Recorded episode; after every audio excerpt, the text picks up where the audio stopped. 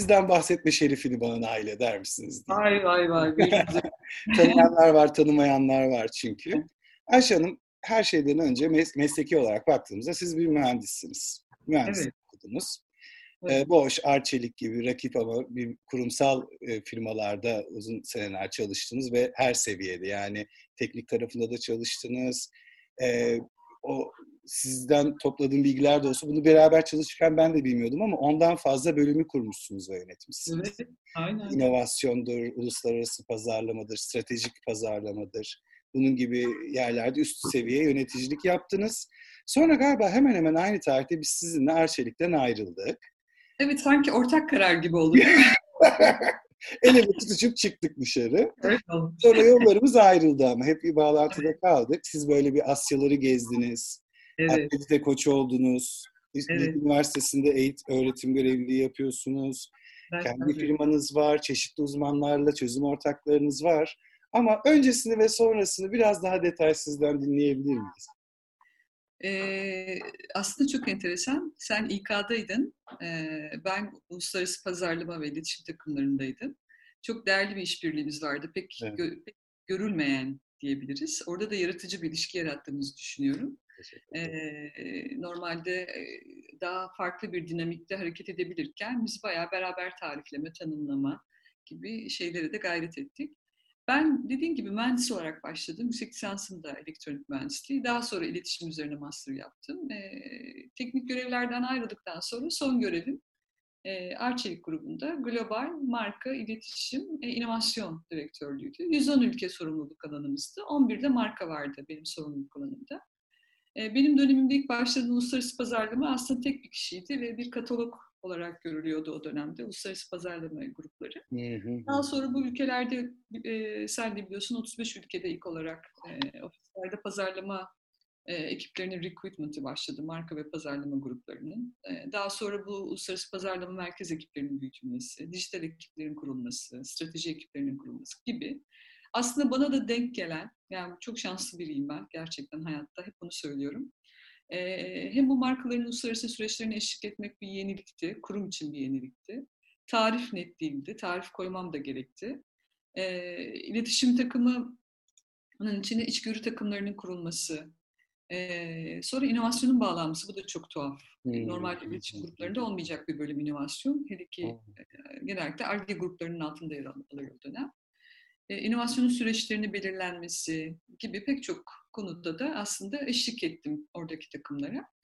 E, güzel olan şey oldu, e, Beko Avrupa birincisi oldu 6. yılında. E, Bosch ve Siemens'i e, 2'ye ve 3'e almış oldu.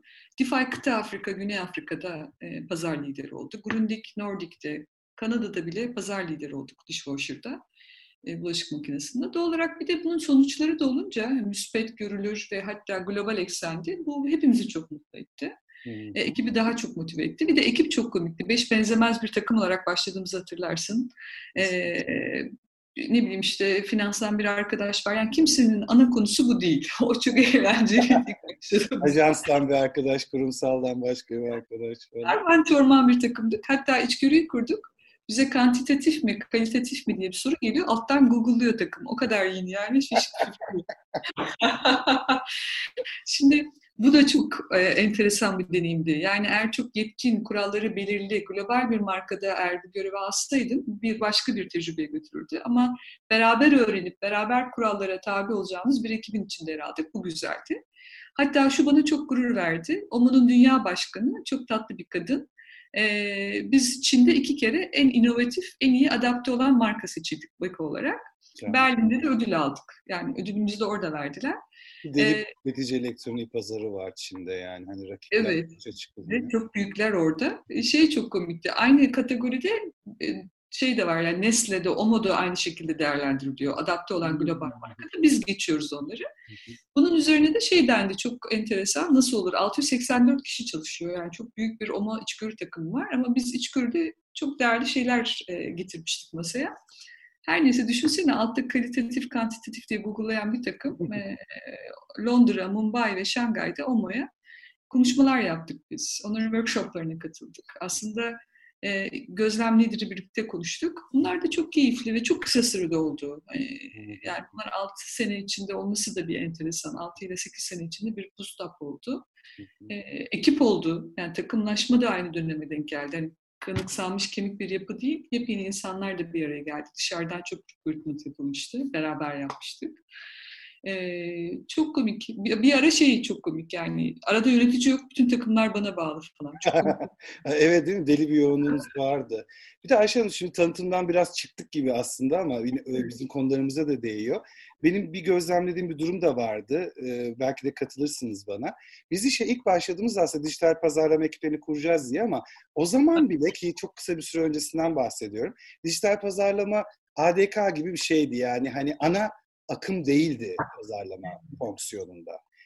Bizler de öyleydi biraz. Biz biraz gecikmiştik o konularda. Evet, evet biraz ona rağmen çok hızlıca ana akım haline geldi dijital pazarlama. Şu anda başka pazarlamaların esamesi okunuyor dijital Doğru. olarak. Doğru. Yani aslında tabii bunun pandemiyle alakası yok. Çok Hı. öncesinde başladı. Bu bir alışkanlık. Çünkü native'ler oldu, digital native'ler geldi. Yani doğduğu andan itibaren Google olan çocuklar geldi. Evet. Olarak evet. digital native geldiği andan itibaren alışkanlığı hep Hı-hı. o tarafta olduğu için e, ana akım mecra diye bizim hep nitelendirdiğimiz TV, gazete gibi yayın kanalları drop oldu.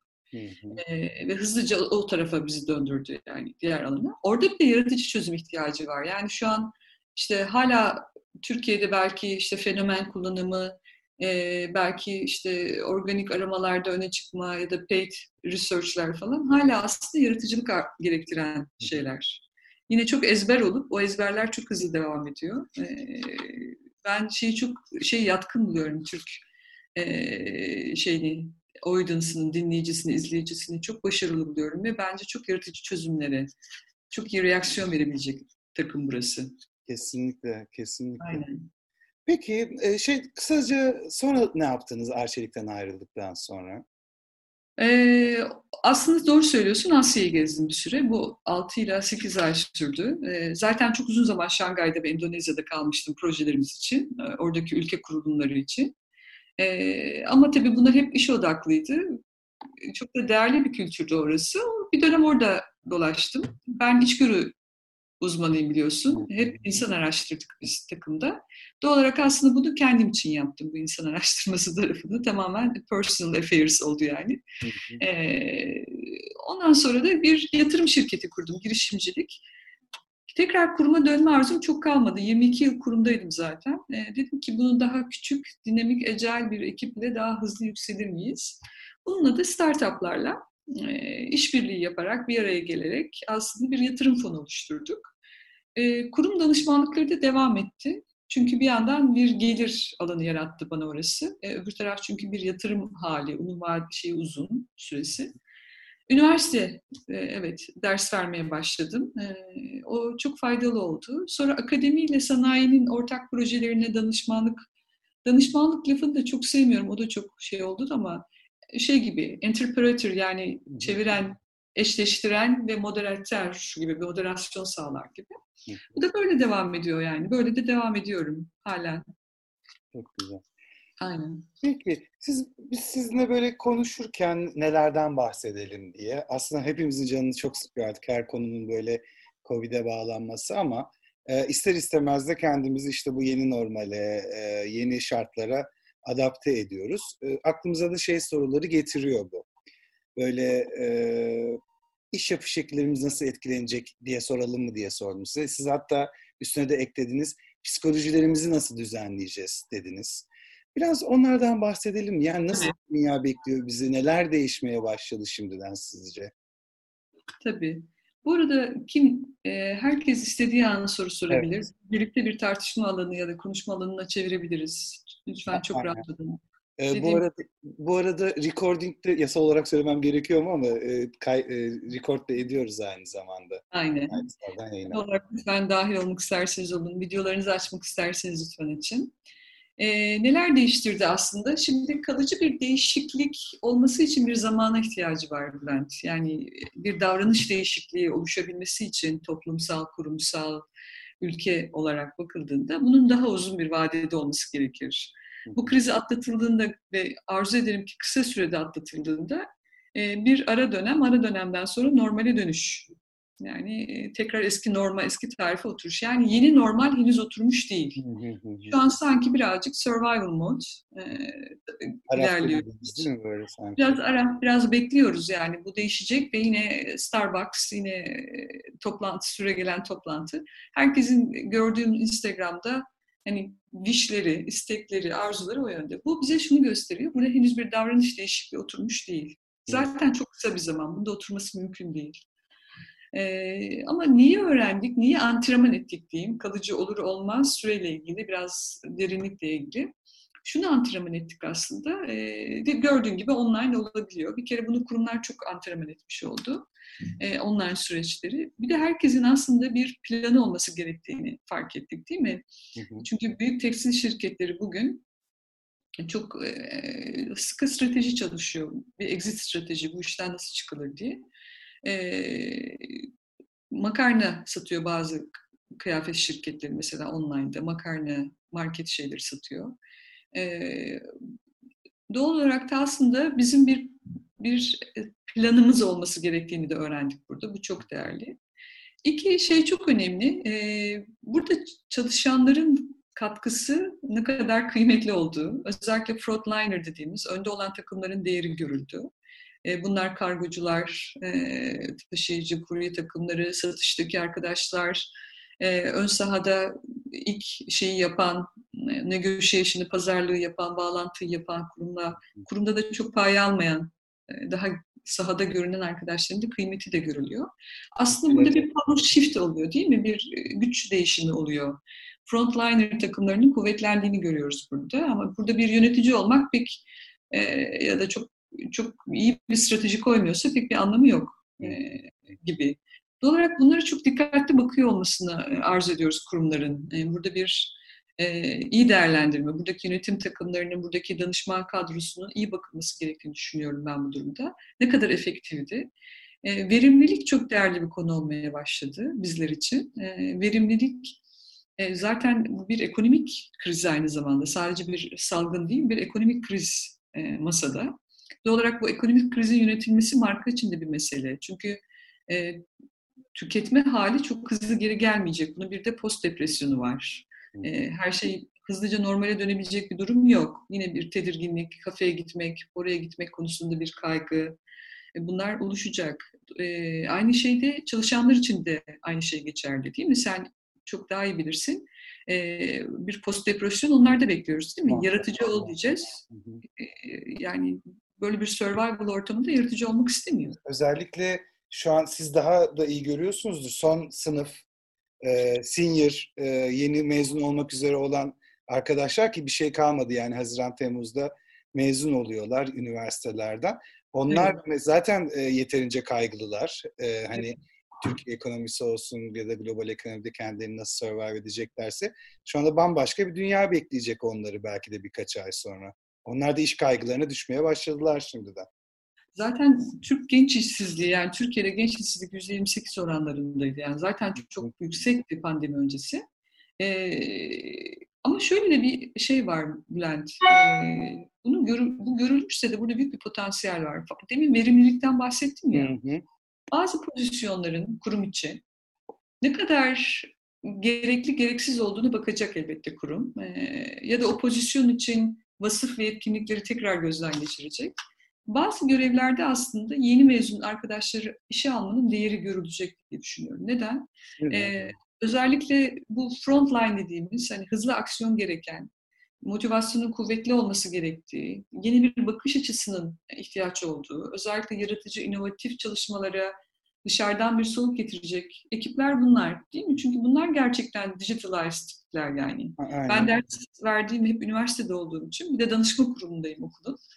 Ee, orada da çok konuşuyoruz. Hatta şunu öneriyorum. Bence pandemi çıkışı e, mevcut ekipte elbette bir e, motivasyon sorunu olacak. Çünkü bir şeyi yeniden normalleştirme süreci de bir sorun. Çocuğu tekrar okula alıştırmak bir sorun. Hı hı. E, kendisinin tekrar alışması, eve alıştı evdeki konfora alıştı, tekrar işe dönecek. Bunların hepsi aslında bir psikolojik bir e, issue aslında şirket için.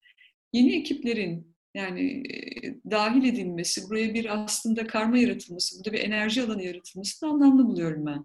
Hı hı. Hep arkadaşları da öyle motive ediyorum. Yani diyorum ki, ha bir de şunu da çok öneriyorum yani kurumlara. Bir danışma ekibine ihtiyaç var ama şu değil. Tek bir danışman mı geliyor ve yön veriyor ya takımlara böyle konuşuyor. Ben bir kurul olması gerektiğine de çok inanıyorum. Bazen hani bir kurulun ama bu kurulda da bir üniversite öğrencisi. Bravo.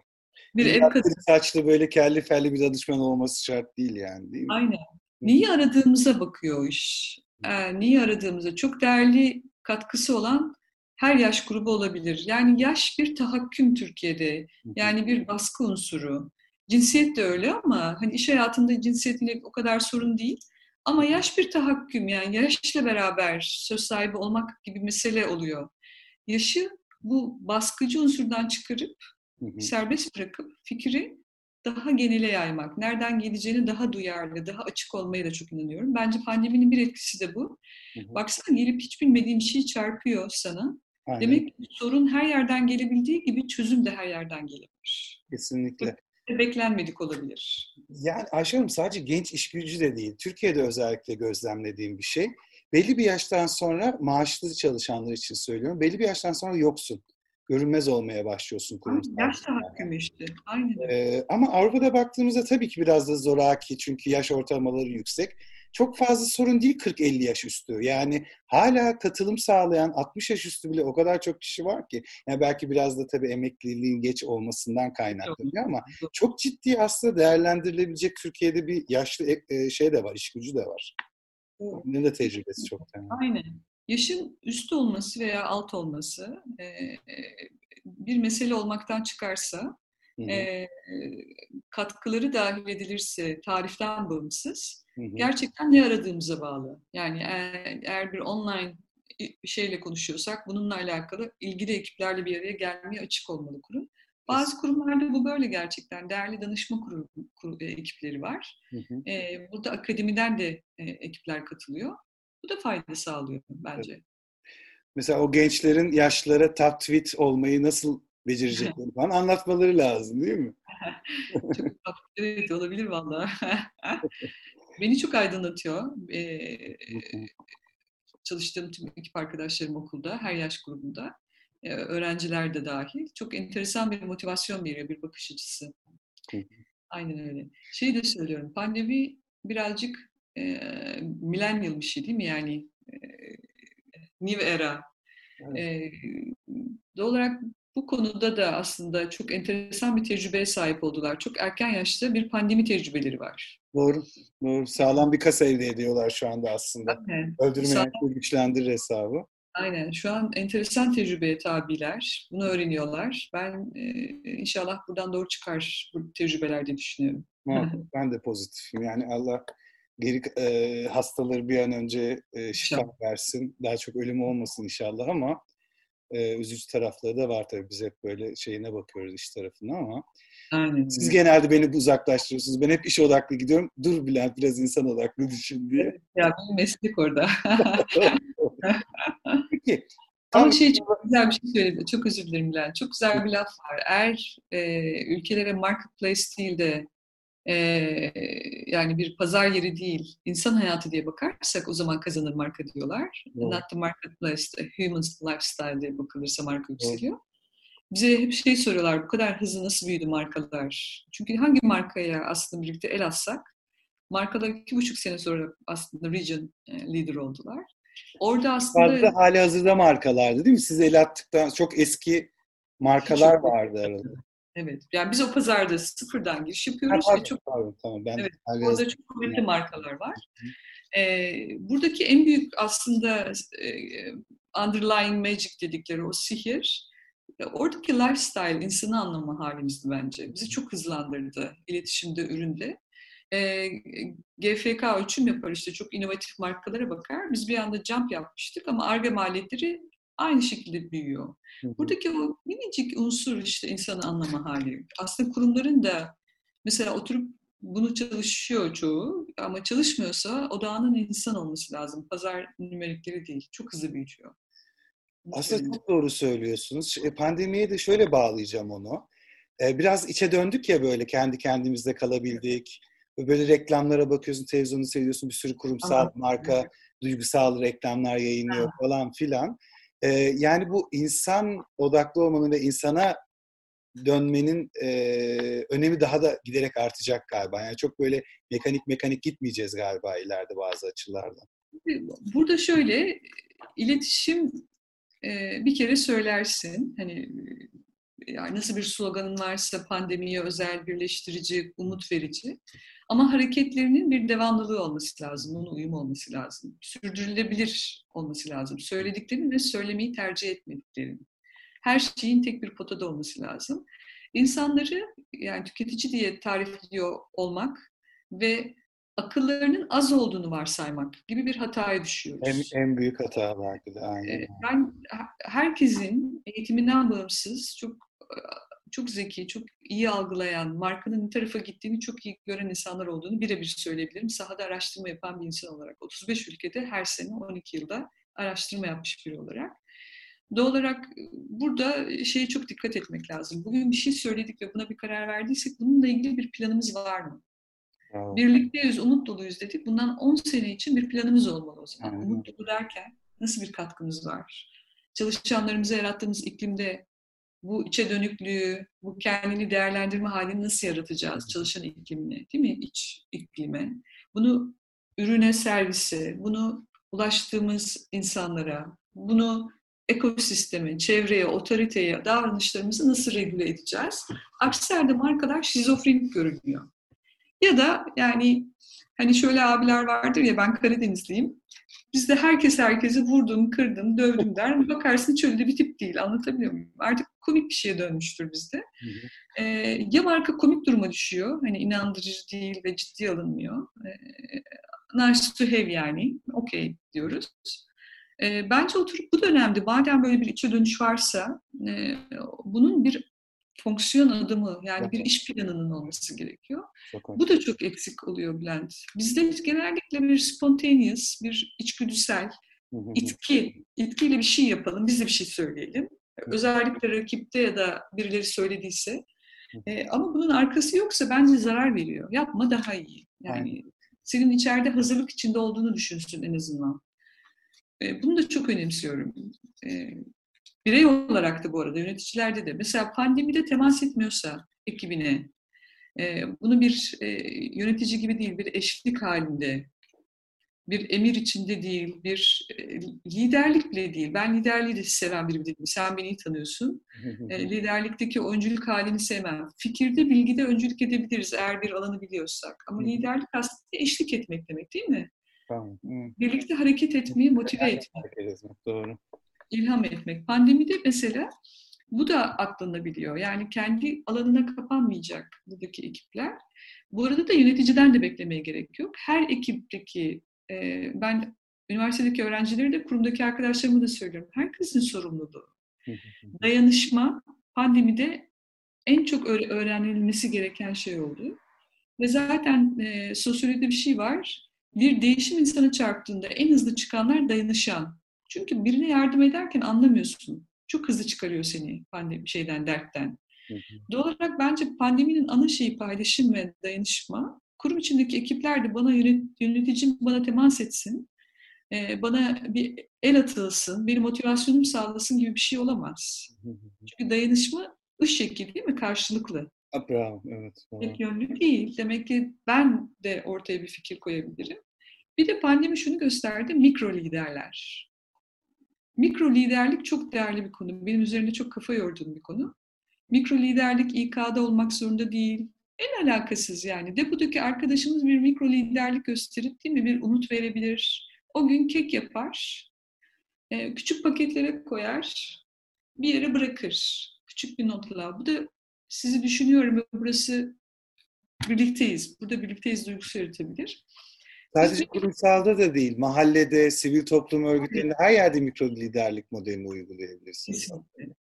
Pandemi biraz bunu tetikleyecek diye arzu ediyorum. Kalıcı olur mu emin değilim dediğim gibi süreyi bilmediğimiz için. Hı hı. Ama mikro liderlik bence e, her birimiz için. Mesela burada şu an kaç kişiyiz? 10 kişiyiz. Hı hı. E, bu 10 kişinin de mesela buna bir katılım göstermesi. Anlatabiliyor muyum? Mikro liderlik alması. Aa, bununla hemfikirim değilim, Ayşe Hanım ne güzel söylediniz demesi. Doğal olarak e, ya da so, sonunda konuşulabilir, bilmiyorum. Bunu çok önemsiyorum, dayanışma halini. Ee, Bu arada tam Ayşe Hanım e, laf oraya getirmişken bir e, sorusu olan ya da düşüncesini belirtmek isteyen var mı şimdiye kadar konuştuklarımız hakkında? Bir, bir ses duydum sanki ama. Aykut var mı bir sorun? Açık görüyorum mikrofonda ama. Aykut Bey'in fotoğrafı çok hoş. çok şeydir. O da eski Arçeliklilerden. Öyle mi? Evet. Peki. O halde e, aslında biraz da şey e, bir sonraki sorumun e, cevabını verdiğiniz gibi de bu dayanışma olayını bir önceki webinarınızda da söylemiştiniz, söylemiştiniz ve beni çok etkilemişti. Yani bir e, Avrupa ya da bizim coğrafyamıza baktığımızda başarı deyince işte iyi bir aile ya da iyi bir iş, kariyer, para derken Güney Amerika ülkelerinde başarı deyince dayanışma, işbirliği geliyor. Harbiden evet. biraz da dediğiniz gibi sadece what's in it for me diye düşünmeyip karşılıklı bir şeyler verebilirsek belki çok klişe ama birlikte hareket edersek. E, Mesela ben şey görüyoruz, çok özür dilerim böldüm ama. E, şu an ekmek yapan yapanı, bu dünyada da böyle değil mi? Lahmacun, ekmek, burada bir coşkumuz var. Bu çok doğal comfort food dediğimiz, hı hı. bana iyi gelen. E, bu akım çok kuvvetli bir akım. Bu akımın olmasında bir sakınca yok. Çünkü bu ilk etkidir. Yani ilk ilkel tepkidir. Her şey yolunda hissettirmen gerekir bedenine ve kendine. Hı hı. O yüzden de hazla kaçar hemen birey. Hazla bunu dengelemek. Ama mesela pandemide bir kere olsa bir şey yaygınlaşması. Mesela herkes ekmek paylaşırken bunu dağıtırken de. Anlatabiliyor muyum? Yani bunun bunun artık mesela aşure dağıtırız ya işte helva dağıtırız ya eskiden hani şu an çok belki yok ama ufacık da olsa artık dayanışmanın da yaygınlaşması. Dayanışmadan kastım mesela sen şu an lise son öğrencilerin hepsi krizde. Üniversite sınavı ne zaman olacak olmayacak. Evet. Mesela sen çok güzel mesleki şeyler anlatabilirsin gibi. Güzel. Ben liseleri Üniversiteye yoğunlaşıyoruz ama liseyi hiç düşünmüyorum. Evet. Haklısınız. Ben şimdi bir lise öğrencisi grubuyla geçen bir Zoom yaptım. Herhalde 70 kişi falandık yani. Bölümleri anlattık. Neden olmasın? Doğru. Ki bizi yönlendiren çok yoktu lise zamanında. Hani akıllı bilinçli hocalarımız yoksa doğru söylüyorsunuz. Ki size bir şey söyleyeyim mi? LinkedIn'in kullanım yaşının 15'e indiğini biliyor musunuz? Çünkü birçok okul artık LinkedIn'de sayfa açıyor ve e, liseler, e, pardon, üniversiteler içindi bu. Artık ortaokul öğrencileri gideceği liselere bakmaya başlamışlar LinkedIn Aynen sayfalarında. Aynen öyle. Evet. Bu olarak ben öğrencileri, öğrencilerimizle de başladı konu. E, çünkü ben bu pasif bekleme halini çok sevmiyorum. İnsan insana endişe yüklüyor e, ve ataletsiz hale getiriyor. Kendi mesleki konusunda da atalet kaybı oluşuyor. Halbuki bir fayda sağlama duygusu oluşturduğunda kurum içinde de olabilir bu. Kurum bunu regüle edebilir. İşte bir ortak proje geliştirebilir. Çünkü düşmesini ve kurum birliğini de ayakta tutmak zorunda kurum değil mi? E, ister istemez temas oluşmayınca, fiziksel temas, bir kurum kültür gevşemesi diye bir şey yaşıyor e, ekipler. Aynı şey öğrenciler için de geçerli ilk öğretimde. Doğal olarak mesela burada hep bunu konuşuyoruz biz. Online'a döndük, okey burada ekranlar var, anlatıyoruz, ediyoruz. Ama öğrenmenin aynı ölçüde olduğundan emin değiliz ya da kurumsal işbirliğinin ya da kurumsal iklimin aynı şekilde kaldığından emin değiliz ya da emin miyiz ya da bunun için neler gerekiyor? Ölçümleme açısından mı soruyorsunuz? Ölçümleme açısından şu, iş sonuçları ya da okulun öğrencinin sınav sonuçları olarak bakarsak ama iş sonuçları kurum olarak bakalım. Kurumun sonuçlarına bakıldığında bu dönemde inovatif bir şey çıkmaması normal karşılanıyor. Aa, şu olmadı, aa, bu dönemde olur deniyor. Tam tersi böyle baskı dönemlerinde iklim doğru tutulursa, doğru vizyon, doğru işte ilham verici hal olursa moderasyonda kurum içinde çok enteresan fikirler çıkabilir değil mi bu, bu dönemde? Kesinlikle. Hele ihtiyaç var yani şu an bir ekonomik kriz var. Burada yaratıcı yöntemlere ihtiyaç var. Bununla ilgili nasıl aksiyon alıyor kurum? Yani bu fiziksel temasın olmadığı bu dönemde e, Zoom üzerinden toplantı at, kapat, e-mail at, e-mail ile sor. Günü devam ettirin ötesinde bir şey gerekir. Ya bu benim çok hatırlıyorsun eski görevimde de böyleydi. Yani daha farklı nasıl yapılabilir, daha farklı nasıl yapılabilir diye. Şimdi tam zamanı daha farklı nasıl yapılabilir konuşmak Yani için. durağanlığı normalleştirmemeliyiz. Hele özellikle böyle bir dönemde.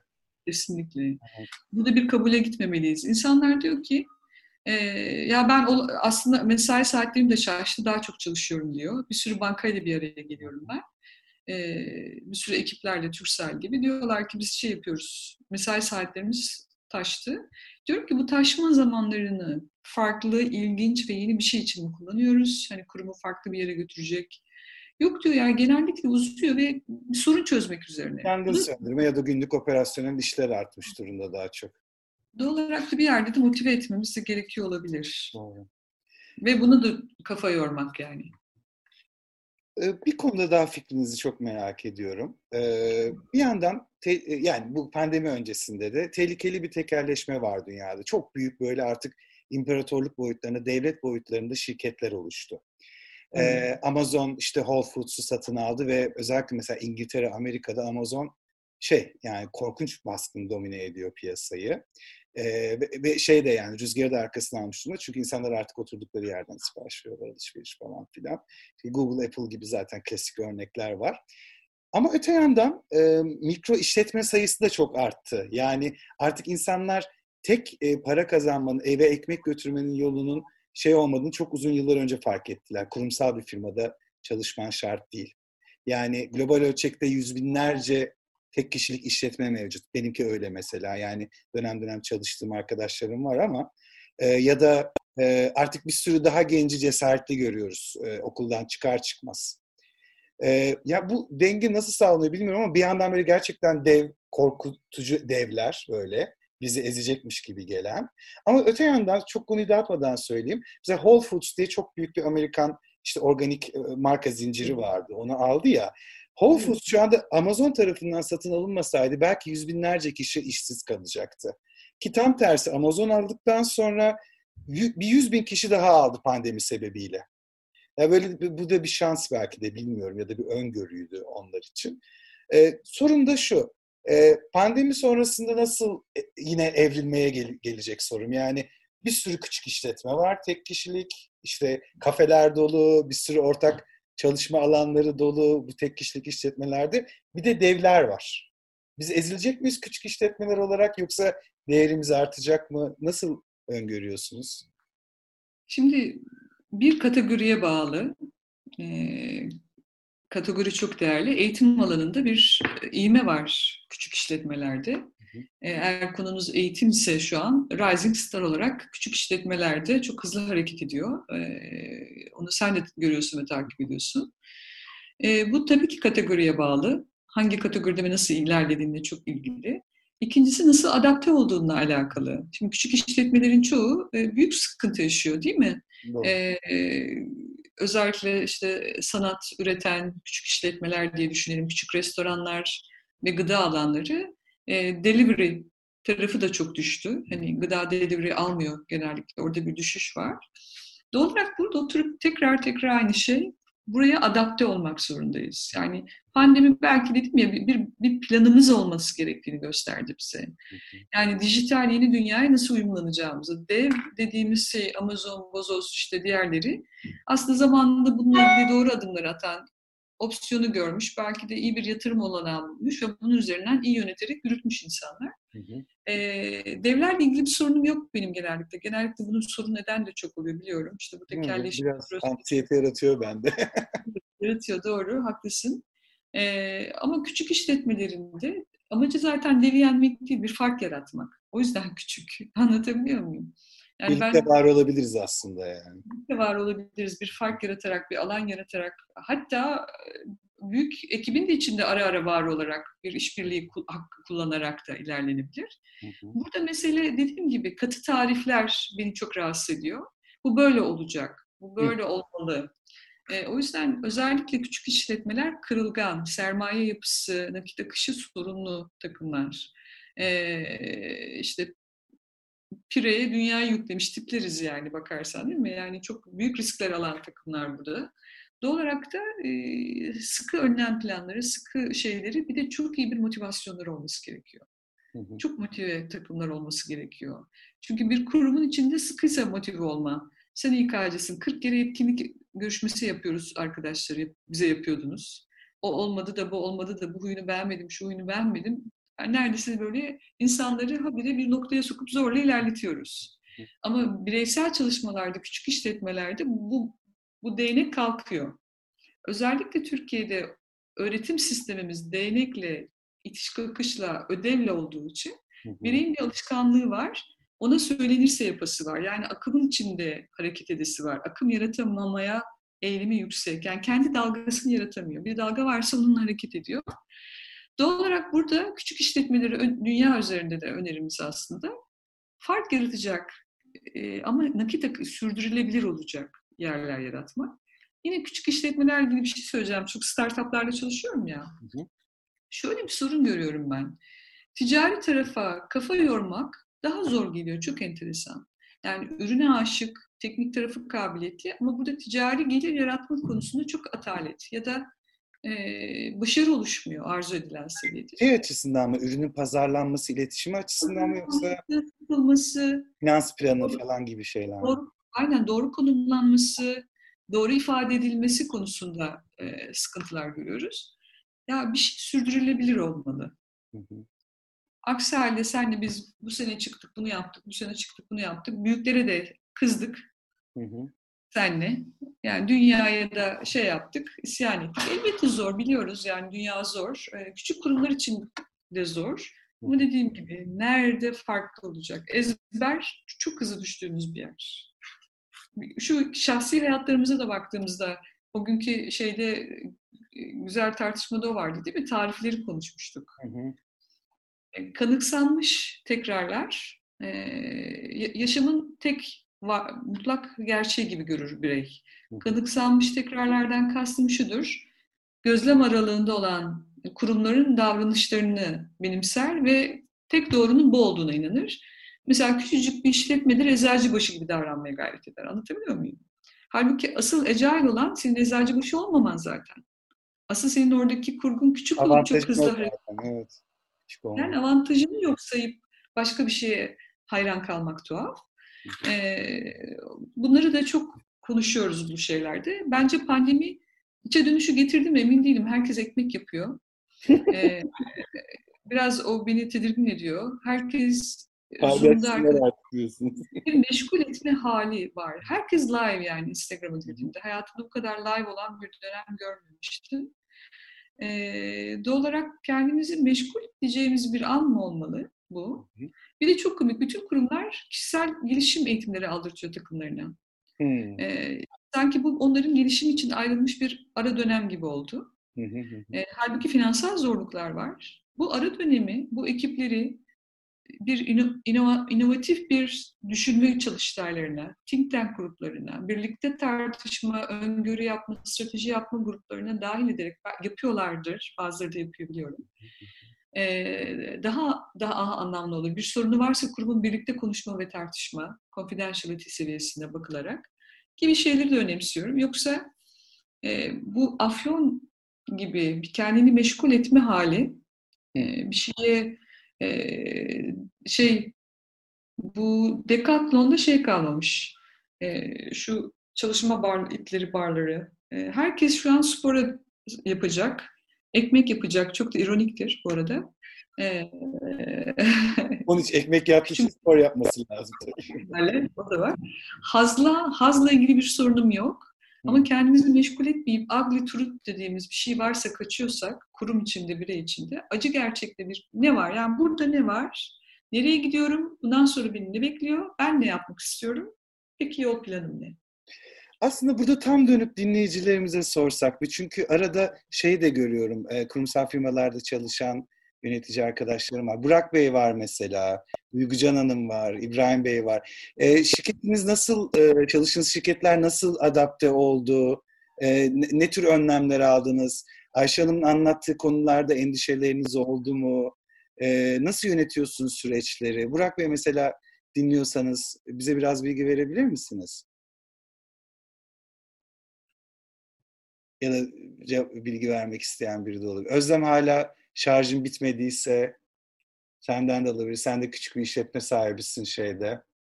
Biz kendi kendimize mi konuşuyoruz acaba Ayşe'nin? Şimdi öyle bir şey. Olsun keyifli yine. Terk edildik yahu. Aynen. Ramazan Bey bir katılmıştı şeyin başında. Belki ondan oldu. Ee, valla süreç ben Ayşe Hanım bile ben vergiciyim. O yüzden çok iyi bilmiyorum. Ee, uzmanlık alanım değil. Öğreniyorum burada ama e, bu dönemde süreç yönetimi e, ciddi olarak herkesi zorluyor. Yani işletmelerin işte vergi ödemesinden tutun da gündelik ihtiyaçlarını karşılamaya kadar birçok alanda istihdama kadar sıkıntı yaşanıyor ama buradan da bir şey öğreniyoruz. Yani şu an tam olarak etkisini anlayabilmiş durumda değiliz. Yani bunu bir içselleştirip e, yaz sonunda mesela neydi o günler diyebiliriz herhalde. Geldi, geldiğinde biraz daha şey olacak ama benim gözlemlediğim şirketler önce bir kabuğuna çekildi. Herkes ne yapacağını anlayamadı. Yani eve gidin, bir şeyler yapın. Biz size uzaktan erişeceğiz. İşleri bu şekilde yapacağız. Mesela bizim hayatımız çok etkiledi. Müşterilerle görüşemiyoruz. Görüşme ihtimalimiz yok. Bir tane proje denedik online yapmaya ama çok da şey olmadı. Alışık olmadıkları için. Olmadı mı? Olmadı ya da arkası gelmedi. O yüzden zorluyor. Normal duruma çok alışmışız. Ben onu görüyorum. Normal durumdan bu tarafa geçmek aslında hani ben e, ofise inanmayan bir insandım ama bu krizden sonra ofis gerekiyormuş. E, o, o bir şeymiş çünkü hani ben yaklaşık bir aydan fazla süredir herkes gibi şeydeyim. Evdesiniz. Evdeyim. Ve artık şey oldu. yani ofis, ofis, ofis titremeye başladı. titremeye başladı. Bizden e, ama e, şey işletmeye göre değişiyor diye çok düşünüyorum. Yani biz danışmanlık firmasıyız. E, danışmanlık firması e, şirketlere vergi konusunda danışmanlık veriyoruz. E, gündemleri bir anda değişti mesela. Yani benim konum uluslararası e, konular. Biliyorsunuz şu anda uçuş bile yapılamıyor. Evet. E, tamamen yurt dışı ile ilgili konular bir anda e, gündem dışına çıktı. Çok öndeyken. E, yani buradan da öğreniyoruz. özetle e, adaptasyon bence önce bitmek üzere. Artık adapte oluyoruz ama arkasından da normale mi döneceğiz o biraz soru işareti bende. Çok doğru. Doğru. doğru. Çok güzel. Ee, aramızda ilginç birisi var. Kim var? Ee, eğer hal, hal, dinliyorsa bizi Okan Bey var. Okan Bey bir plastik cerrah ve e, kendi işletmesi var. Bir 70-80 kişilik bir ekibi yönetiyor. Görüyorum şu anda ama başka bir yerde değilse. Drone yazan. Drone yazan aynen ve o da aslında bu sürecin en büyük sıkıntılarını yaşayan şey. Çünkü iş modeli tamamen yurt dışından gelen müşterilere bağlıydı plastik cerrahi konusunda. Okan bizi duyabiliyorsan, hala dinliyorsan e, siz e, sizi çarptı biliyorum. Nasıl çözümler getiriyorsunuz? Ne görüyorsun gelecekle ilgili? Konuşuyorduk 3-6 ay en az şeydi ama e, o, Tamam. Okan başka bir şeyde dinliyor olabilir bir arkadaşın da podcast'ı var çünkü. Peki. Ee, o halde ben sorayım ya. Ben güzel soru soruyorum diye düşünüyorum Ayşe Ben soruyorsun. Peki. E, azıcık şeyi konuştuk ama işin davranışsal şey tarafına girmedik. Mesela hani kategorisel anlamda e, iyi seçim yaparsak hani büyüyebiliriz, hala para, ekmek kazanmaya devam edebiliriz dedik ama sizce gelecekte en değerli yetkinlikler, beceriler neler olacak? Bir şey söyledik, aksiyon planı mutlaka yapacağız. Motive olacağız. Bunlar da yetkinlik sonuçta, motive olabilme. Bunun dışında ne tür böyle highlight edebileceğimiz yetkinlikler var? Aslında Ramazan Bey çok güzel söyledi. Adapte olabilme kabiliyeti. Doğru, kesin. Ama adaptasyonda özgün halini bırakmama, bizde adapte olma, biat etme olarak görülüyor. Hı hı. Ee, yani ana akım kültüre birebir uyumlanma olarak görünüyor.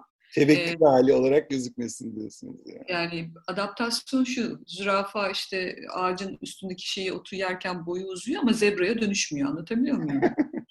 e, doğal olarak özgün halimizi bırakmayadan e, adapte olabilen kişileri çok seviyorum. Özgün halden kat, kastım e, farklı bir bakış açısını masaya getirebilen ama o kurumun kültürüne uygun şekilde demek istiyorum. Ya da o, o durumun e, içinde işte pandemi gerçeğinde özgün halini koruyarak ama ona da adapte olarak hızlı Biri bu, iyi adapte olan. iki esnek, resilient dediğimiz. Hı hı.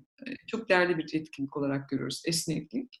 Zaten esnekliğin en değerli şeyi biri anlayış, biri motivasyon. İkisini bırakmayan insanlar esnek. Yani hareket motivasyonunu bırakmıyor ama durumu da iyi anlıyor da insanları iyi anlıyor. Bu ona hareket kabiliyetini veriyor. Hem hareket etmeye motive hem de hareket edebilen durumun içinde. Bu, bu insanları çok kıymetli buluyorum. Tabii ki yaratıcı, e, farklı bakabilen, farklı masaya keyifle getirebilen, hı hı. inatla değil, kavgayla dövüşle değil, dramayla değil. Hani beni dinlemiyorlar, bunlardan bir şey olmaz değil. Ben mi anlatamadım acaba diye tekrar bunu yaratıcı olarak nasıl ifade ederime bakarak. Ee, senle o günkü şeyde bakmıştık işte ülkelerin genel araştırılmasına pozitif pozitif deneyim endeksini. E, endişede düşük bir endişe indeksimiz var Güney Amerika'ya baktığımızda. Hı hı. Ama çünkü onların doğal olarak pandemi öncesinden bahsediyorum. Doğal olarak pek, pek çok şeyden dolayı sıkıntıları var. İç çatışma, ekonomi, sağlık falan. Ama keyif alma haline baktığımızda da ne kadar yüksek olduklarını ve en aslında mutlu, pozitif deneyim ülkeler olduğunu gördük. Bize öfkeye baktık hatırlıyorsun. Evet, ben de. Öfkede zirveydik yani. evet.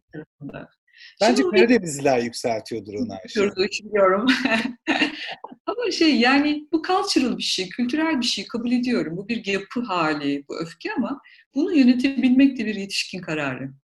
Evet. O yüzden de bu dönemde de e, meselelere takılmak yerine çözüme odaklanan insanlar da süper bence. Aa Bülent gitti. Küçük açmaya gittim, kararmaya başladı. Biz bizi tam takılacağız. Peki. Bundan sonra dans. Tam da aslında yaratıcılığa geldik. Yaratıcılığın kardeşi, hatta genç kardeşi inovasyon. Hani e, kavramsal olarak hayatımıza yaratıcılıktan sonra girdi. Evet. E, şimdi aramızda çok genç yok ama gençlere hani, tavsiye vermek isteyen insanlar için sizin düşünceleriniz çok faydalı olabilir. E, mesela siz Bilgi Üniversitesi zaten bunda da ilgili eğitimler veriyorsunuz bildiğim kadarıyla. Doğru. Öncelikle hani neler aktarıyorsunuz, nasıl bir müfredatınız var? Çok kısa onu sorduktan sonra şeyi sormak istiyorum. Yani bu gençler böyle bir kurumsal deneyim elde edip mi böyle bir girişimciliğe atılmalı? Ee, yok soruları karıştırdım. Özür dilerim. O zaman hemen düzeltiyorum.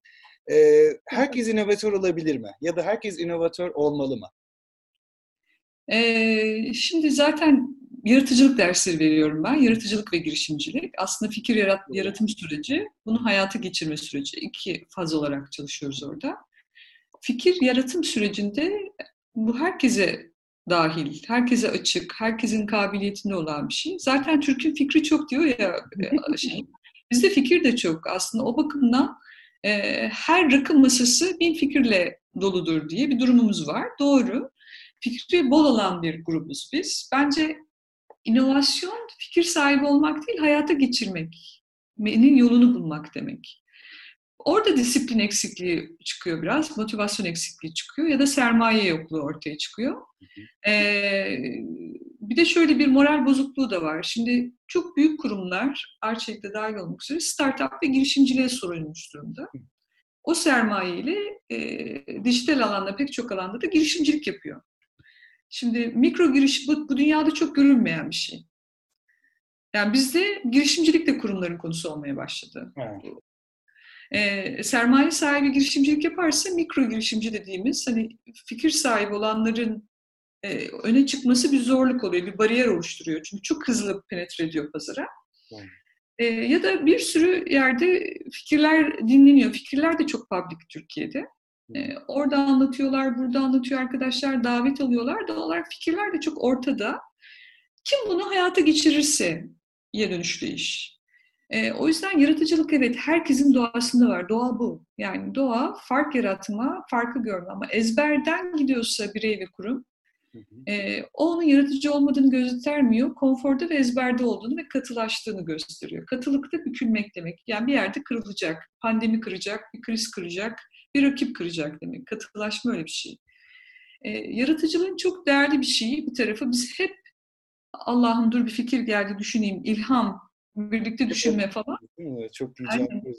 Orası olarak görünür. Ben yaratıcılığın en kıymetli kısmını e, yolda hareket halini becermeyi olarak görüyorum. Yani kendini motive etmek, becermek, yaratıcılık, sermaye bulma, yatırım bulma kabiliyeti bir yaratıcılık. Çünkü burada da yaratıcılık ihtiyacın oluyor. İşbirliği, partner bulmak, yaratıcılık. Ama sonucu oluşturacak tüm adımları atabilme gayreti bir yaratıcılık. Yapamadığını kabul etmek yaratıcılık. Mesela bir işte bu bizde de çok yok. Yani ben bu konuda iyi değilim. Çok gördüğüm şeylerden bir tanesi girişimcilerde. Her konuda iyi olamaz fikir sahibi. Geri adım atıp burada alan açabilir. Yeni partnerleri devreye alabilir. O alanı büyütmek için. Doğal olarak bireyin kendi odağını bırakması yaratıcılık. Bireyin iş sonucuna odaklanması yaratıcılık. Çünkü bunlar normalde ezberde ben, öne çıkacağım ben. Bizde çünkü kuvvetli şeyler bunlar. Kimlik yaratma hali çok kuvvetli. Kimlik yaratma halini bırakmak yaratıcılık. Eğer onu soruyorsak. Yani o kadar değerli tarifleri var ki biz bunları öğretiyoruz okulda. Yani biz böyle el ele verdik, we are the world tadında yaratıcılık yapmıyoruz okulda ya da kurumlarda. Çünkü kurumlarla da çalışıyorum ben. Yaratıcı iklim yaratma tarafında. Hep hayal ettikleri şu, duvarı pembeye mi boyayacağız? Nasıl bir slogan yazarız sizce? Hayretler içinde dinliyorum bunu. Yani o en son iletişim stratejisinde gelecek. Önce motivasyon kriterlerini bulacağız. Kuruma uygun motivasyon kriterleri. Niye yaratıcı olacak? Ona ne? Ne güzel sabah 8 akşam 6 gidiyor. Şimdi sen bizde de gördün. Hadi motive, hadi inovatif olalım dedik oluyor mu yani? Yok. Öyle bir şey yok. Yani. Yaratıcılık dediğinde... Yani işte bu arçelik garajlar, şunlar bunlar kaç sene alıştıktan sonra fikri Aynen. Şöyle bir kültürün olması lazım. Biz derste, ilk üç derste veya kurumlarla çalışırken de yaklaşık ilk üç haftada saçmalama eğitimi veresim geliyor benim. Ağzından aldınız siz onu söylüyorsunuz. Saçmalama kabiliyeti, kendini ifade etme özgürlüğü yaratmadıysa kurum, yani böyle bir esneklik yaratmadıysa, katı bir şekilde hep akıllı ve bilir olmak zorundaysa birey, e, hep şeffaflık yoksa değerlemede ve denetlemede, hadi inovatif olalım desek sorun. O yüzden biz önce iç, iç değerlere bakıyoruz. 360'ları değerlendiriyoruz, kurumu gözlemliyoruz, içeride duruyoruz. Daha sonra motivasyon kriterleri, temas, iş planı, e, kazanılacak yetkinlik planı bütün bunlara bakılıyor. Ve çok değerli bir şey var Bülent. Bu İK'nın konusu gibi görünüyor değil mi? İç iklim yaratmak. Ben çok şaşırıyorum. Hep sorum şu, niye bu iç iklimi yaratmayı arzu ediyoruz? Hangi iş sonucunu etkilesin? Ve ne ölçüde? Ciro istiyorum ben. Ciro hedefi. Büyüme ciro hedefi. Yani bu yapacağımız bu durum. Nasıl bir büyüme arzusu yaratıyor? Yani genellikle şöyle oluyor. Kurum bir noktaya geldiğinde nice to have gibi görüyor tamam mı? Davet edelim. Ne yazık ki çok da kötü örnekleri var. Bir odaya topluyorlar, şapkalar takıyorlar. Ben de çok maruz kaldım inovasyonu globalde yöneten biri olarak. Şapkalar, o şapkayı o çıkarıyor, bu takıyor, bu takıyor, bu takıyor falan filan. Bunun bizim yaratıcılığımızı geliştirdiğimizi düşünüyor ki bu kadar entelektüel, sofistike bireylerin. Şimdi Saçmalamak bu değil yani değil mi? Saçmalamak bu değil. Yani belki gevşetmek için kullanıyor olabilir yöntemi e, burada bir arzu yok ama bütün yöntem böyle gidince sorun. Doğal olarak da biz elbette gevşetmeyi nasıl yapabiliriz? Önce üst yönetimin tüm kriter setini şey yaparak değil mi? Bir CEO'ya brief veriyoruz biz. Böyle bir toplantıda böyle bir şey yapacak arkadaş, saçmalayacak ve siz buna şöyle davranmanız gerekecek. Yani role playing'ler bile yapıyoruz biliyor musun? Çok komik. Bir davranış setini, bir iklimi oluşturmak 6 ayla 8 ay. Arkasından da bakım yapmak gerekiyor kurumun içine etkilesin diye. O yüzden yaratıcılık el ele verelim, we are the world, karnımızı kaşıyalım, fikir çıksın değil farkındaysan. Bir iş sonucuna odaklı. Bu itibar da olabilir iş sonucu bu arada. Marka itibarı, kurum itibarı, her şeyi konuşabiliriz ama müspet bir hedefle çalışmak zorundayız. Doğru. Hadi yaratıcı Öyle. olalım. Tek çıkış noktası olmamalı yani. Peki biraz önce ilginç bir şey söylediniz. Sizinle hiç bu konu hakkında konuşmadık. Ee, ki şey herkes işte tam olarak hatırlamıyorum da kişisel marka amacı olmamalı dedik ya. ya. Ama baktığımızda artık dünya öyle bir yer ki işte kurumun profesyonel bir markası olmalı, işveren markası olmalı yetenek çekmek için. E, işte bizim gibi işletmecilerin ya da profesyonellerin kişisel markaları olmalı. Orada kastettiğiniz tam olarak şey mi? Yani egolarımızın arınıp yine biz markamızı yaratalım ama marka olmak için çok har şey mi yapma, zaman mı harcamayalım ya da yaptıklarımız mı bizi markalaştırsın? Tam olarak ne demek istediniz orada?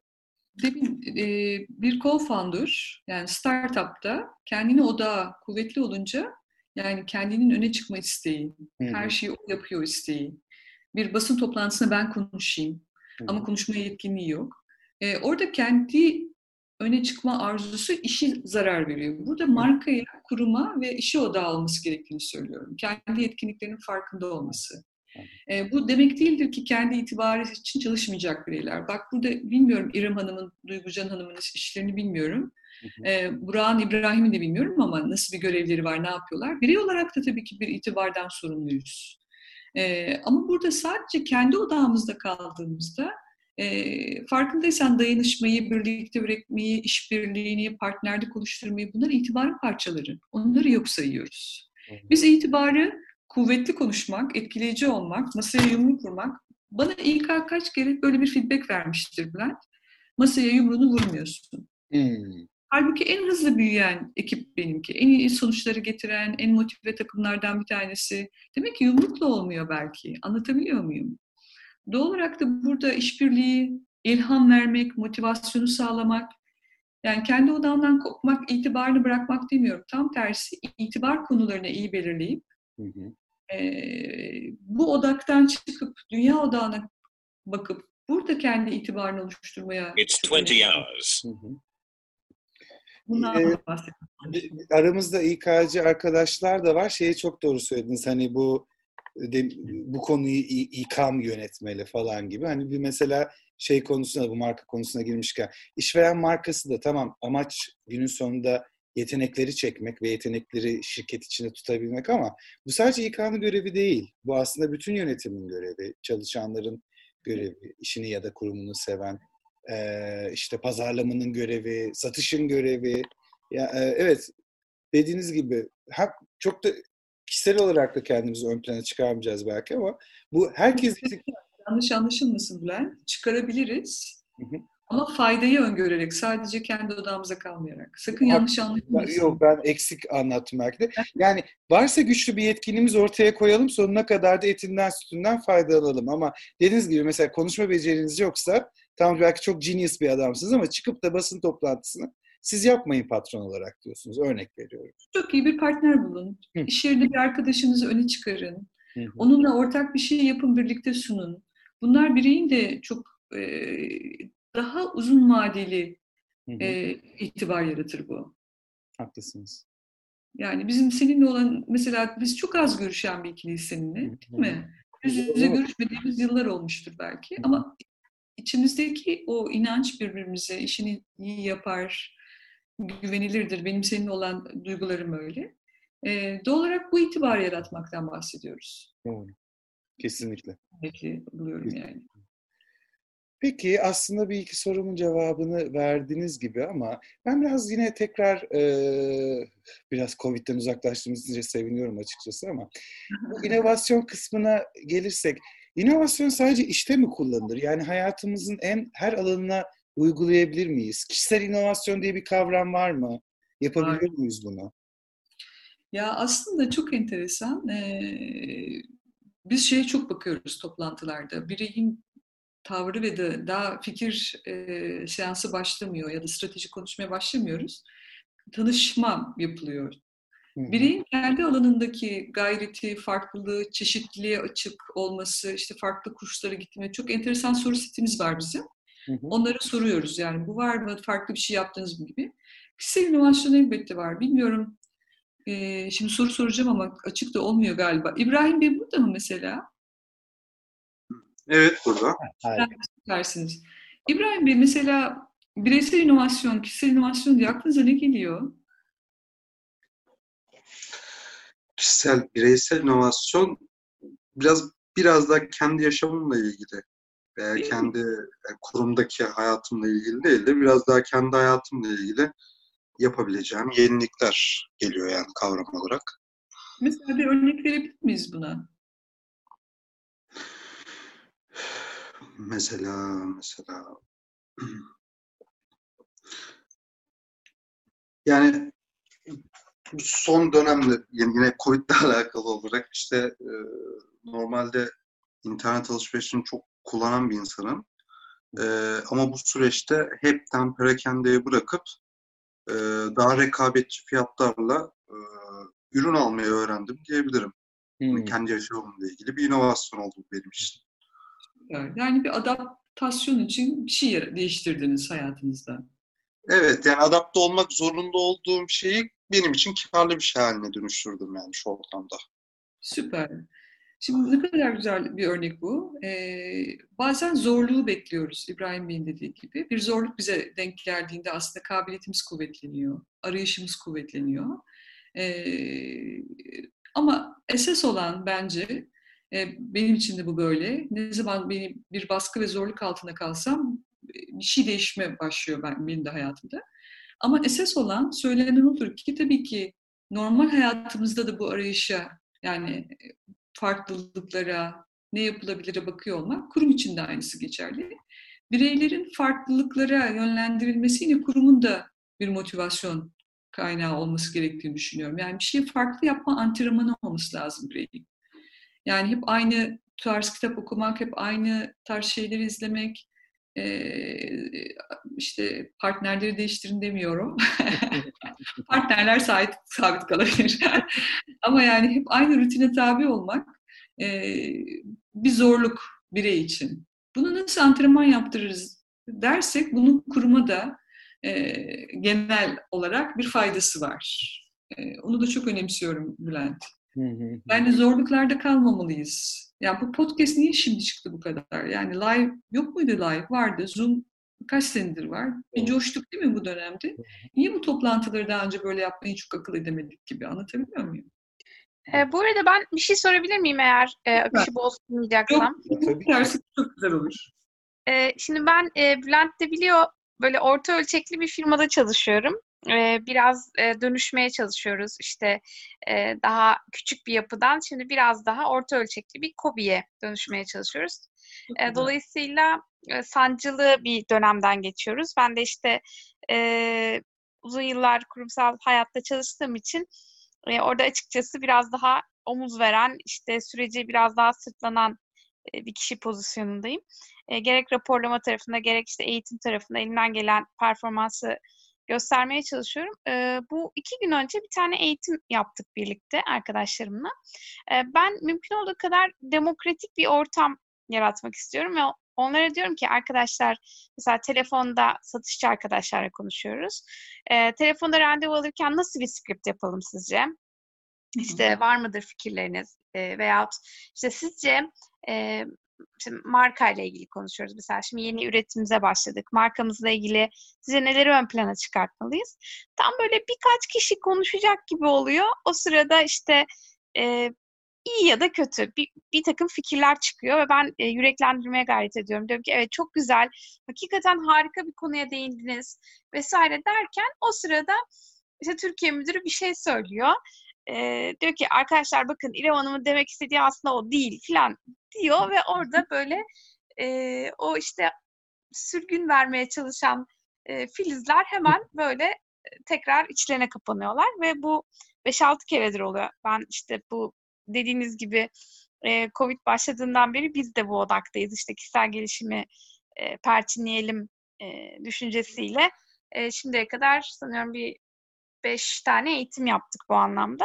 İşte yazılı iletişim, zaman yönetimi, toplantı yönetimi, telefonda iletişim gibi hani e, iletişim odaklı bir şeyler yapmaya gayret ediyoruz. Şimdi ben e, o kadar böyle güzel yüreğime dokunuyor ki söyledikleriniz. E, sürekli bunu düşünüyorum. Yani nasıl insanların e, demokratik bir ortamda biraz fikirlerini filizlendirebiliriz veya e, ben bunu nasıl sağlayabilirim diye.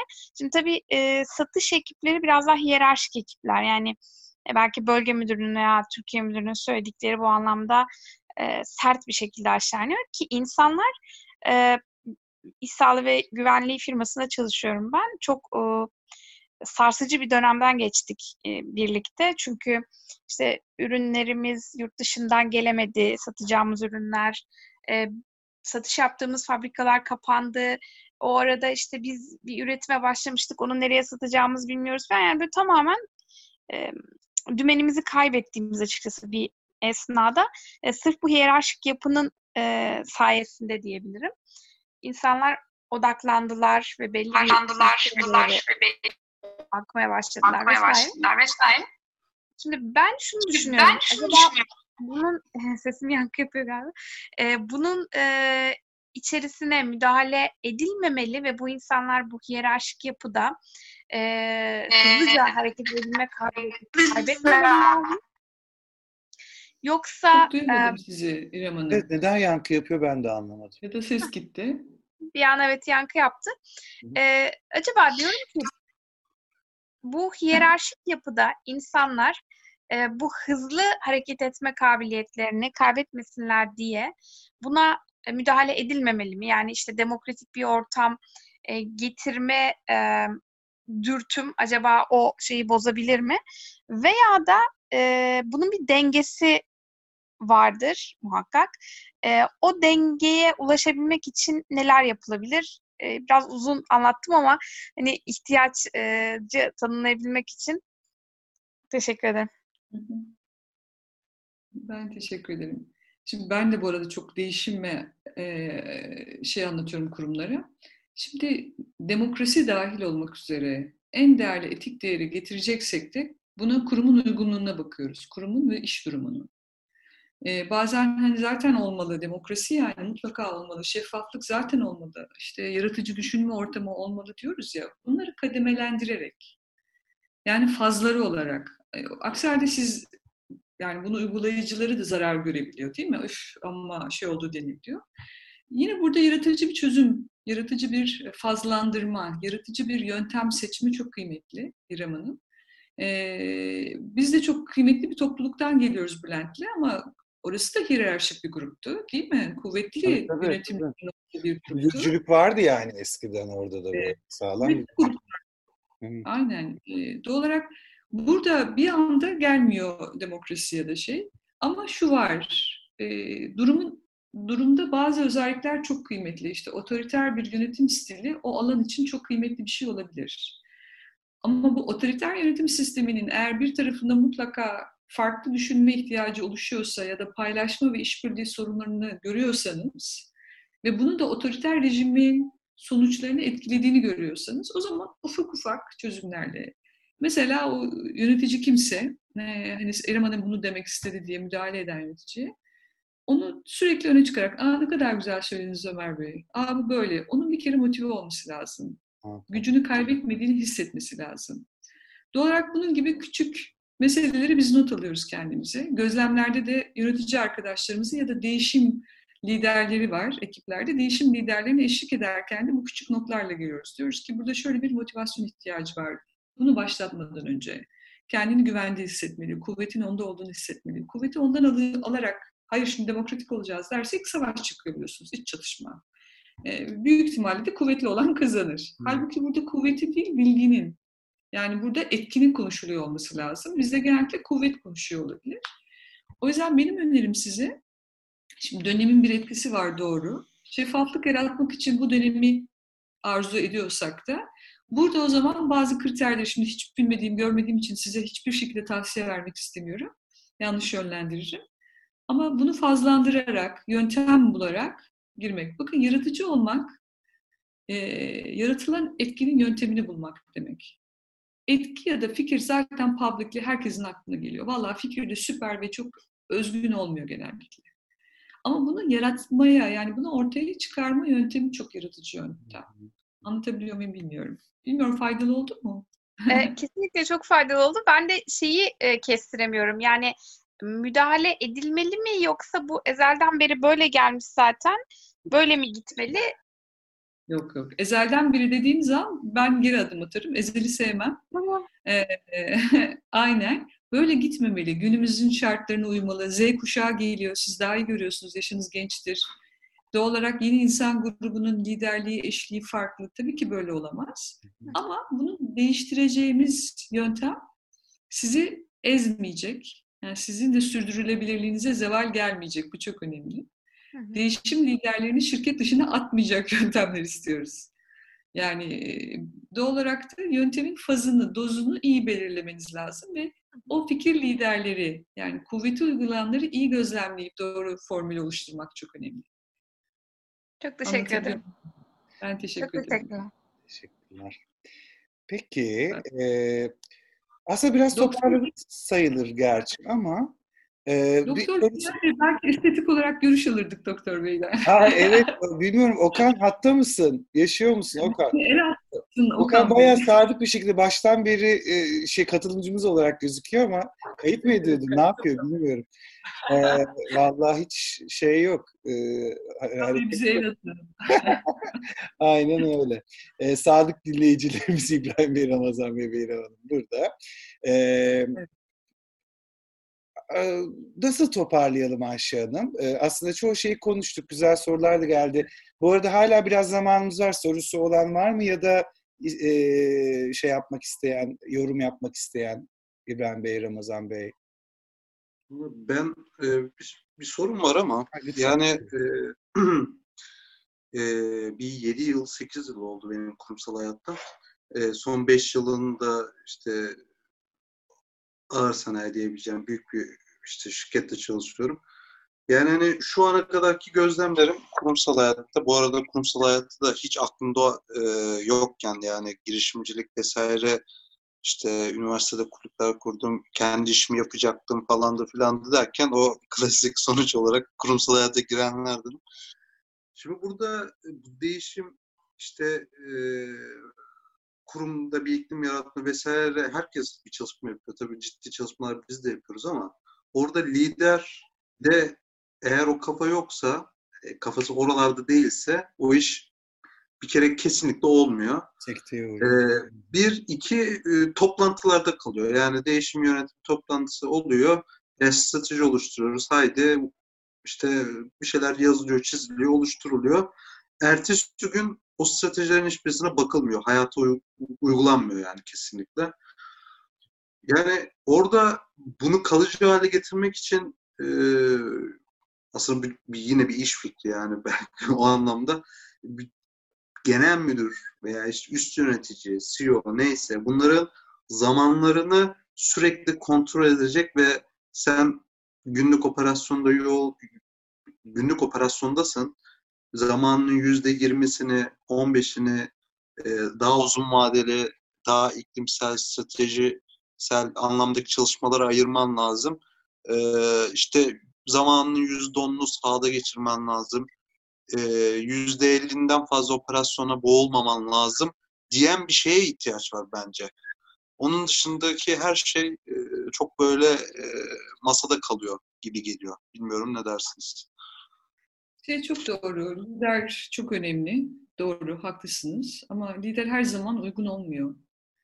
Ee, Türkiye'de özellikle otoriter bir e, hal çok yaygın. E, çekirdekten yetişmiş alaylı dediğimiz yönetim stili de çok e, kuvvetli olabilir.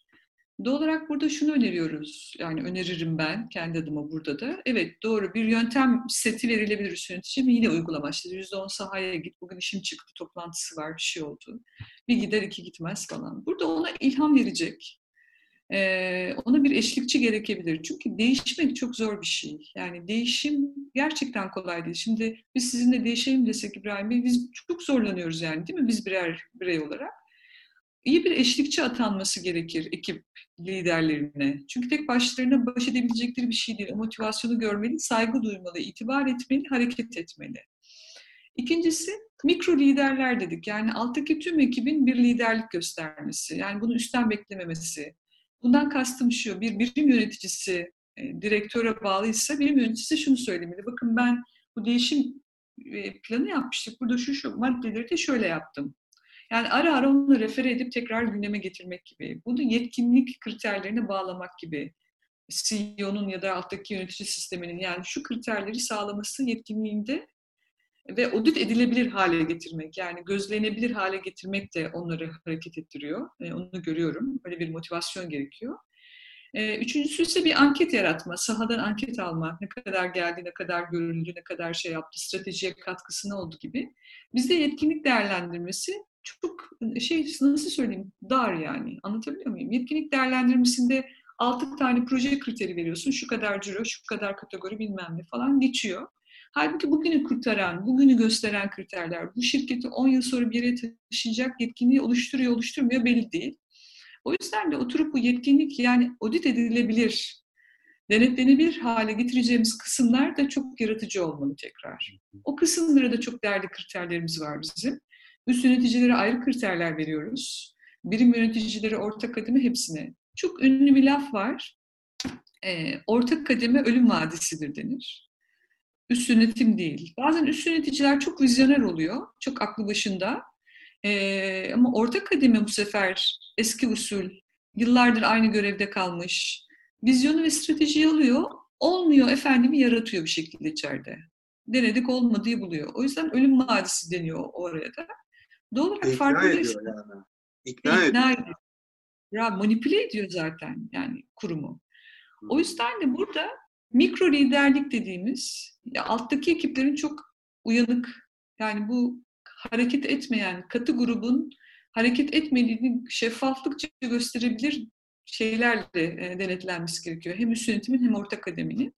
E, yoksa ruhum duymaz biliyor musun İbrahim? İkimiz CEO olsak ve gelse bize teknik grubu böyle olmuyor efendim, böyle olur, çok da maliyeti vardır dese satın alıyoruz. Ben eski ergeciyim. İşime gelmezse kandırabilirim pazarlama takımlarını. Parmağımda oynatırım ruhunuz duymaz yani beni. E, e, denemedim ama yapabilirdim yani öyle söyleyeyim. Doğal olarak da buradaki uyanıklık, buradaki akıl, bir nereye gitmek istiyoruz? Yani hareket planımız ne? İki bununla ilgili nasıl bir sete ihtiyacımız var? İşte durumumuz nedir? Buna göre hep audit istiyorum İbrahim ben Türkiye'de. Auditsiz çalışmıyor Türkiye. Çünkü bu denetlenmeyi ve e, çubuğa çok alışmışız okullarda, ailede. Özellikle bizim, sen siz genç olabilirsiniz de bizim kuşak X, e, biraz da Y kuşağı ittirmeyi ama Z de öyle şimdi. Ebeveyn o kadar sorumluluk alıyor ki çocukla alakalı. E, doğal olarak hep bir denetleme ihtiyacı var. Bu bir cultural issue, kültürel durum. O yüzden ben denetleme, görünürlük ve şeffaflığı çok kuvvetlendirmeye çalışıyorum. İsterse yürümesin ondan sonra. Ya bir de bu audit mecbur artık, mecbur bu yola girecekmişiz gibi. Çünkü hani uzaktan çalışıyoruz ya bunun ne kadar süreceği de belli değil. Evet. Dolayısıyla bu audit gelecek yani hani her şekilde gelecek ama bahsettiğimiz böyle tabii demokrasinin kılıcı gibi sürekli kontrol falan değil. Biliyorsunuz hani geleneksel, geleneksel patronların en büyük sıkıntısı Lan ben bu adamı evden nasıl kontrol edeceğim? Yani ne yapacağım? Yani sen performans yöneticisini oturttuysan, dediğiniz gibi yetkinlik e, matrisini yaptıysan ve yetkinlikleri ölçebiliyorsan isterse Zimbabwe'ye gitsin adam. Zaten ölçebilirsin başarısını performansı. Pandemi issue diye Time dergisi. Orada fikir liderlerinden pandemi sonu ne olur diye aldı. İşte Dalai Lama da bir görüş vermiş, Gorbaçov da bir vermiş gibi bir görüş seti var. Gorbaçov'un da görüşlerini içeriyor falan gibi. Fikir liderlerinin orada şey söylüyor. Artık e, saatleri değil, efora odaklanan bir yönetim sistemi. Çok doğru. Çok doğru. Yani efor ve sonuca, saatlere bize takıntılı olarak değil mi? E, ben seni hep çayda görüyorum diyor patron. Hı hı. Atıyorum. Ya çayda görüyorsun ama katkın ne? Etkim ne? İşbirliği sağlıyor muyum, motivasyon sağlıyor muyum soyut tarafta, somut tarafta o ciroyu, o şeyi katma değeri sağladım mı? Belki çayı içiyorum diye bu kadar iyi çalışıyorum. Anlatabiliyor muyum? Nereden biliyorsun? Nereden biliyorsun nasıl bir katkı sağladım? Doğal olarak da bu katı kriterler dediğimiz işte çay içti, kahve içti, şöyle yaptı, çok konuştu.